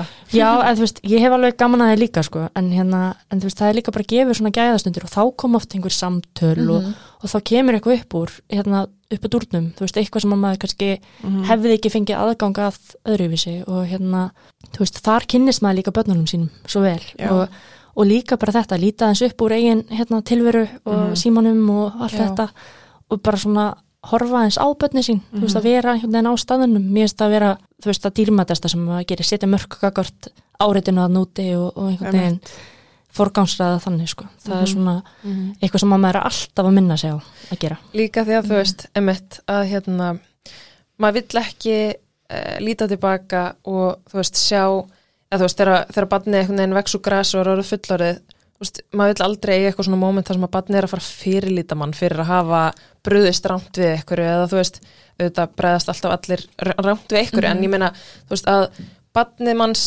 mun ekki finna fyrir því þegar það er orðið fullorðið að það líti tilbaka og það er einhvern veginn það sitji uppi með eitthvað vonda tilfinningu að því að maður viðkendi það ekki eða maður reynda að þjappa því inn í eitthvað box, ég menna það er líka bara þú veist, frá hérna bara það sem við erum ofta ræði eins og málumni hins einn fólks og allt þetta Mhm. að þú veist, það hvernig fullt af fóreldrum tróða börnunum sínum bara inn í eitthvað box Mhm. uh, það er oft ómeðvitað Mhm. og við gerum Já. þetta oft gagvart alls konar hlutum Mhm. að ganga út frá því að börnun okkar séu eitthvað nefn bara því okkur langar að þau séu það veist, það er svo auðvelt þá að fyrir barni ef að það kemur síðan út úr skapnum þegar það er eldra eða bara hefur ykkur áhugamál eða eitthvað sem að maður sjálfur er ekki að tengja við að það mun líta tilbaka bara, þú veist, þið áttu þátt í því að ég gæti ekki Já. koma út fyrr Já. eða gæti ekki, þú veist, horst í augu við þetta fyrr Einmitt. Mhm. þannig að við höfum einhvern veginn verið bara mjög líka meðvita alltaf frá upphafi að hérna, bara impra þessu, vertu Mhm. þú þú veist, og það er einmitt, hérna, bóðskap bókarannar okkar líka já, Akkurat. Hvað fæst bókin? bara í öllum bókabúðum og inn á salka.is Mhm. inn á eymilsson.is Mhm. Og að hérna og já, það er svona svolítið útgangspunkturinn, bara vertu þú þú veist, það er guðminn góður þú veist, það er svo mörg tímumbil í lífi bats þú veist, um mitt strákurinn okkar hann hefur farið í gegnum svo mörg tímumbil af einhverjum áhuga málum, okkur dóttir sem að við Mhm. skiljum ekkert í, sko, að það er bara þú veist, you do you, sko, akkurat við ætlum ekki að draga úr börnunum okkar, þú veist, sama hvað þau vilja Nákvæmlega. gera í lífinu, sko, Mhm. við bara munum munum stiðja það vandamáli er samt sko, þú veist að maður getur sjálfur alveg verið mjög gerir nákvæmlega sama, þú veist, bönnum með tróðin í ákveði bókstar óháð, þú veist, færðni eða getu. Þú veist, það er allir bara einhvern veginn að fara í gegnum sama tröppugang Mhm. og ég held að sé að verða einhver vitunduvakningakur því að það er kannski ekki endilega besta leiðin að því að það er mitt sama, margir sem verða fullorðnir og horfa á ræturnar í sásökan og það er í skólanum sko, já, eitthvað sem á að vera öryggisstaður fyrir Já, öll börn sko. Um, og lögbundið, þú veist, fyrir öll börn að fara í gegnum. Og hérna, og svo eru vinirnir það eru svona ytri fjölskyldur, þú veist, það eru svona margir staðir sem setja þessa pressu Já, á börnin, veist, þannig að við erum stundum alveg uppgefnar, við erum alveg rosa mikið bara heima fyrir að reyna einhvern veginn að tryggja að strákunum okkur upplifi það að hann megi vera hann sjálfur. Já, börn sem einhvern veginn, þú veist eru kannski ekki fitt ekki 100% inn í eitthvað fyrir frá móta box Mhm. uh, sem ég veit ekki eins og hver ákvaða væri Einmitt. sniðugt að búa til sko. að þau einhvern veginn þú veist, eru bara fyrir vikið um, bara miklu útsettari fyrir einaldi eða þú veist, því að vera sett út fyrir hérna eitthvað svega í skólakerfinu og við einhvern veginn höfum, já, fengið svona mikla uh, svona reynslu af skólakerfinu síðustu árin og séð alls konar vankanta sem að okkur finnst með að bæta. Já, en svo er þetta líka samt svo erfitt að því að við erum einhvern veginn samfélag sem að byggjum allt á þessu hefbundna skólakerfi sem að þú veist, börn þurfa að fara í gegnum og, og þau þurfa að sína eitthvað hefni og þau þurfa að fytta í þetta og þetta bóks og þau þurfa að, þú veist, að einhvern veginn taka all sömu fögin og, og hérna að já, þetta er, þú veist, það er allt annur umræðu þetta en það er svona, það er mjög margt í ytra umhverfinu sem að uh, mætti Flækir, að já. okkar mati, þú veist, það minnst oft barn vera tekið og því tróðin í eitthvað boks Já. sem er mjög lítið uh, þegar það er hægt kannski frekar að opna bara aðeins boksið já. fyrir fleirum, þú veist, fyrir bara öllum og hérna, Ertu með eitthvað dæmi? Eitthvað svona, Mér, mér finnst líka bara, hérna, sorry ég grípi þetta en, en hérna, minnst börn líka ofta vera bara sett út fyrir sveg og þeirra líðan einhvern veginn. Uh, það er rosalega algengt að hérna, börn fari í greiningaferðli til dæmis. Og hérna, byðilistar fyrir það eru einhverja átján, átján til 20 mánuðir. Já, um, og svo þurftu að býða í ákveðin tíma eftir greiningu. Við fórum í gegnum þetta hérna Mhm. þegar að okkar eldri var í öðrum bekk þá loksins komst hann að, þú veist, umsóknin hafði týnst einhver staðar og þetta var búið að vera algjört mói og hann er þannig, þú veist, að hann fór alveg gegnum leikskólan þess að það voru einhver, einhver ljósum kviknuðu, sko, mm. þannig að hann fyrir svolítið seint inn og þú veist, og svo gerist ekkert í, í sjálfu kerfinu á meðan þú ert að býða að því þú þarft þennan stimpil já, til þess að fá einhverja hjálp eða stuðning. Já, en hann er að díla við alls konar áskoranir en er sko, ég segi alltaf ef allir væru eins og hann þá veri heimurum bestur í heimi sko, þú veist, af því Já. að hann er svo ótrúlega þú veist, fallegur og, og heiðalegur og, og bara mitt bestur sko. En hérna, þú veist, það kemur svo seint og þá er kannski, þú veist, hann er komin í fjórðabekk Já, þegar við loksins fáum einhver tók, tæki og tól í hendurnar og skólinn, þú veist, það er ekkert sem er gert á meðan. Já. það er er bíða glataður tími þú veist, þetta er bara tími sem að kemur aldrei aftur. Nei, akkurat. Og þú veist, það er það sem að svona stingur mann kannski mest Mhm. að hérna við getum ekki, þú veist, þetta er litla samfélag að við getum ekki einhvern veginn hérna, tekið betur utanum þetta ferli. Já, einmitt. Ég og, því. og það er svo mörg börn sem að eru einmitt, þurfa einhver, einhver tækjutól, Mhm. hvort sem að er bara að fá að vera með þú veist, einhverja peltora eða Já, fá að fara einhvern veginn afsíðis eða, þú veist, til þess að ná þessari ferni Já, akkurat. það er bara alveg, alveg þannig sko. Já, Við erum ánstu kosti talsmenn þess að eiga, útvika þetta þröngaboks sem öllum er tróðið inn í og því að það akkurat. bara eiga svo fáir heima inn í sko. Já, eru með einhverja hugmyndir af lausnum sem er hægt að til dæmis í skólakerfinu Já, sko það er bara, það veltur svo mikið á einstaklingum, við höfum líka séð það, það veltur mikið á einstaklingum sem eru veist, í þeirri stöðu að vera að kenna, veist, við höfum alveg veist, verið með uh, strákurinn okkar hefur alveg með kennara sem eru meira svona flex í því einmitt, að hann fær Já. kannski að vera þú veist, þegar hann var yngri, honum fannst bara áreitir og svo erfitt og þú veist, mikið læti að þá fekk hann bara vera með einmitt svona peltur og sita bara og fá að einbytta sér uh, betur eitthvað starf annar staðar, svo, þú veist fær hann nýja kennara sem að kannski skilja ekki alveg mikið hverja hans starfir eru og þá á hann bara einhvern veginn að fara í sama farveg og allir hinnir sko. Já, já, þannig að hérna ég held bara að ef að hérna fólk sem að starfar í þessu kerfi, hvort sem Mhm. það er einmitt í leikskól, leikskólum, grunnskólum félagsmyndstöðum eða hvar það er að það hafi svona svolítið kannski á baku eirað að það er ekki allir að fara að vera einhvern veginn að fungera innan þessa ramma Mhm. og vera bara kannski opinn fyrir því að hérna að leifa börnum bara, þú veist ef að, ef að barn vill frekar þú veist, sita fram á gangi og læra ef ég finnst það þægilegra eða, eða þú veist, ef að það þarf eitthvað, eitthvað skonar uh, öðru sér þarfir. Já, og þú veist, alls konar svona hlutir þú veist, sem að Æ, ég veit það ekki, þegar barnir orðið eldra líka og, og hérna er skikka í íþróttir en finnst kannski bara ömulegt að vera í íþróttum og líður illa, þú veist, Mhm. það er svona alls konar svona, svona litli hlutir sem að þetta er bara að mæta einstaklingum. Já, ég, Já. held, ég held líka, sko, ég held að kennarar séu ekki bynt vandamáli, sko, þú veist, þeir eru held ég flestir að vilja gerðir, en það Já. er bara gríðarlega, sko, marg breyttur vandi sem blasir við Mhm. og ég held að það sem þarf að gera er að, að tryggja meiri, sko, fleiri einstaklinga inn í skólan, þú veist, félagsráðgjafa, sálfræðinga, Mhm. Já, yðjúþjálfara, þú veist, einstaklinga sem eru, sko, sérmentaðir í að takast á við, já, sérkennara, skilur Já. þú veist, að, að, að, hérna, að auka við stöðningin Já. þú veist að, að,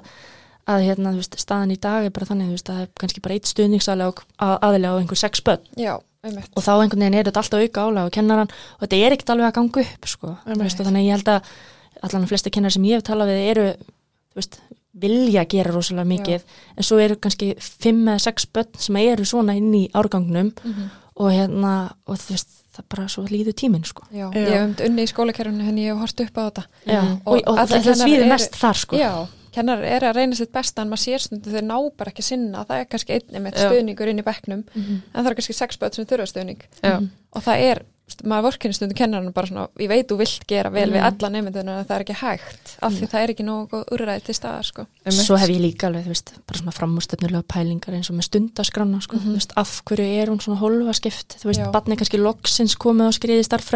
Mm þá ringi bjallan og komi, komna fríminútur, Mhm. staðin fyrir að þú fáir meiri tíma til að krakka þetta, eða einmitt að, þú veist, skipti þessu með, þú veist, þú ert í tvo tími í íslensku og ég veit þetta er orðið mjög spesifik, en, en, en þú veist, ég myndi aldrei taka vinnudag svona, ég myndi Nei. aldrei bara vera loksins farin að krakka eitthvað verkefni eða loksins, þú veist, ég er skrifa mikið að texta, sko, og loksins Mhm. komin eitthvað skrif og svo bara, herðu nei, býtu, nú er ég búinn og ég var að fara í eitthvað annað Já, þess að maður myndi ekki gera þetta svona nei, hefur líka skilað svo miklu með árangi að leifa börnum að hafa smá val já, þú veist, Mm. hérna, fá aðeins að velja svona hvað þau vilja gera og nýta tíman í akkurat, og það, það- er svolítið mikið bara hérna, og líka sjálfsmyndin er svo mikið að myndast á þessum tíma eins og talar um bara Mhm. þessi, þessi tími, eða, það, þólir eða ekki byð Mhm. þetta, þú veist, bara nei, ég menna þetta er bara dýrmætasti tíminn Já. og hérna og þú veist, ég bara á mjög bátt með að vita við hversu mörg börn fara pínu brotin út úr þessu. Já, og það er svona lenskum að tala bara, já, já, hann mun blómstra í mentaskóla eða eitthvað svona, já. eða þú veist, einmitt, eða háskóla. Og en hvað er svona- með brotna sjálfsmynd? Verður búin að vera Já, veist, alltaf einhvern veginn, þú veist, lamin inn í bóksið inn í einhver kerfi, þú veist, Mm, og, og já. hérna og það er ekkert endilega bara strákurinn okkar sko, Nei. ég tala almennt um það sko. Já, en þetta er samt svona ríkjandi yfir stráka. Já, það er það er Það sko og hérna, Og líka með þetta, þú veist að við getum gert allt okkar og við höfum reynd bara eins og við getum að leggja allt okkar á mörgum bara Mhm. á öllum sviðum en svo er líka önnur börn, þú veist, það er oft líka, getur verið vandamál líka eins og þú veist, hvað var þar, það sem vorum að tala um áðan þú veist, og það er kannski líka ástæðan fyrir að við skrifum bókina uh, sem ég er búin að nefna oft í þessu samengin, það er bara Hvað því að bók? aldrei hægt áður en hérna, bara því að sko við líka höfum reykist á það að semst börn sem að koma frá heimilum þar sem er ekkert talað um neitt Mhm. að þau eru bara mjög líklega til þess að koma og segja bara mjög ljóta hluti, haga sér á mjög ljótan hátt Mhm. og beita bara þú veist, ofbeldi, skilur, og það er ótrúlega ljótt og, og sorglegt að segja það um börn, en þú veist en börn geta samt oft verið bara ótrúlega grimm, já. já, og þetta liggur ótrúlega mikið hjá okkur fóröldrarnum sko. já, nefnilega. Og það er einhvern veginn svona við eh, eins mikið og við getum lagt að mörgum að þá getum við ekki einhvern veginn borðið ábyrða því að Mhm. aðrir fóreldrar gera það sama eða að skólakerfi gera það sama þú veist, en, en við allan reynum að fá það allan til þess að aðeins að opna hugan og, og það er svona kannski það sem að um, er okkar stóru skilabóð að vera bara svolítið hérna með á nótunum og opinn Mhm. fyrir því að tala um þessi mál, hvaða mál svo sem það eru, líka bara emitt, þú veist, ekki bara það veist, að fólk getur verið hinsegin eða fólk getur verið, þú veist, hvað sem það er heldur líka bara emitt, við erum all ólík sömur eru bara á einhverju rofi og það Já. er bara allt í lægi Mhm. og þér þarf ekki að líka illa við mannesku þó svo að þú skilir hann ekki eða Já. tengir ekki við hana, þú veist Líka bara með eins og einhvern veginn, ég veit ekki alveg hvernig þetta er í dag, en ég allan að sjálf hengdi mig svo mikið á það að ég bara þurfti að fá góðar einhvernir. Mm Mhm. bara, þú veist, ef ég fekk sjö, þá var ég eiginlega bara ömuleg. Eða þú veist, Mhm. mér leið þannig. En það var enginn að setja þess að pressa á minna með ég sjálf, sko. emitt, En bara alltaf einhvern veginn svona, eða þessi þrá fyrir viðurkenningu. já, Mhm. nákvæmlega og það er einhvern veginn það er eitthvað sem að ég held að sé bara ótrúlega mikilvægt að að allir einhvern veginn í þessu kerfi uh, séu tilbúinur að, hvort sem eru fóraldrar eða kennarar eða þú veist, emitt bara stuðningsaðilar eða hverju sem það eru að, að hérna að sína bönnum að þú veist, þau eru bara frábær nákvæmlega eins og þau eru og þó svo þau geta ekki kannski sínt öll sömu hæfni eða séu ekki öll sterk á sömu sviðum að, Mhm. að þá sé það bara allt í lægi þú ert bara sterkur á öðrum sviðum og Og rækta það þá frekar. Já, já, veist, já, það fýl ekkert allir fótbolta og þú veist, Mhm. það vil ekkert allir verið í Minecraft eða eitthvað, þú veist, Já. það er bara hérna, það er bara, það er það fallega við þetta og, og ég held að fóreldrar sko, við sem erum fóreldrar, við, við berum þessa ábyrð, veist, það við getum alveg sagt, skólagerfi getur alveg verið með einhverju fræðislu og svona, Mhm. en þetta gerist heima, veist, þetta samtal um umbyrðalindi að veist, það er ekki allir eins og þú og það er gott, Akkurat. það er eiginlega svona, hérna, það er undir okkur komið. Já, og það er einmitt hægt að nýta þessi tækifæri að því að börn eru svo opin oft þau koma þú veist heim kannski verið eitthvað, æ hann er svo skrýtin eða segja eitthvað svona orð eða þú veist, tala um eitthvað fólk á eitthvað nákvæðin hátt. Og það er svo gott að geta gripið það þá bara, ef maður er meðvitaður um eitthvað svona. Mhm. bara já ok, er hann, er hann hérna finnst hann skrýtin, af hverju, af hverju finnst þið það?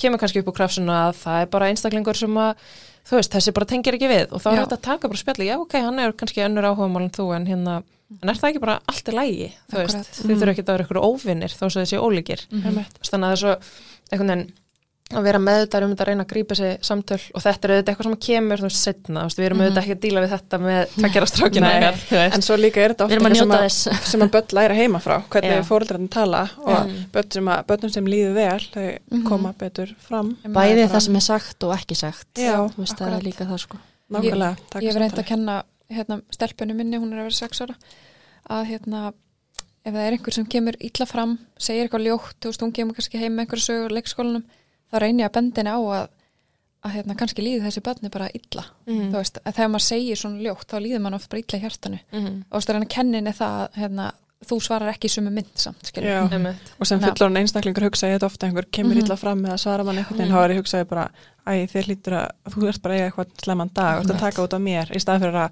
að, að að að bregðast illa við á móti eða fara í Akkurat. móðgast eða eitthvað. Finnst þetta alveg svona, veit ég er að gera vel með þessu sko, Já. að Algjörlega. þetta En mér finnst 100% hérna mjög aðdánuvert að heyra hvað þið leggja á, áherslu á í uppeldinu eins og Mhm. talar um öryggin og heimilinu bara að koma inn á hlýju, þú veist, taka öllum opnum örmum, þú veist, bara ég man eftir hérna, sem batni koma inn á svona heimili Já. maður fann alltaf bara svona einmitt aðdrátturafli, bara svona ég vil vera þarna Já, einmitt, þetta er dýrumætt sko. alveg, alveg þannig Mhm. Algjörlega, þetta er hérna, já, um eitt, maður er svona maður pikkar út ímislegt, líka sem krakki þú veist, og það er einmitt að því að þú spurður líka hann, þú veist, með okkar eigin fjölskyldu. Þú veist, Mhm. það er einmitt hérna mm, já, dásamlega fjölskyldu. Og einhvern veginn einmitt mitt heimil alltaf verið svona. Og tek bróðu minn og tengda nei, bróðu minn og mákonu mjög hérna til fyrirmyndar hvað þetta varðar, Mhm, þú veist, já. þau eru einmitt með, þú veist, eiga tvö börn sem eru með eins ás millibili, þú veist, Já. eru núna 12 og 13 og það er bara, hefur alltaf verið þannig hjá þeim að það eru bara opnandir og það er bara koma, það kemur allt hverfið heim til þeirra. Já, en samt auðvitað ægi en þú veist, ég myndi ekki að hafa bara eitthvað fólki snúsnúin í stofu sko.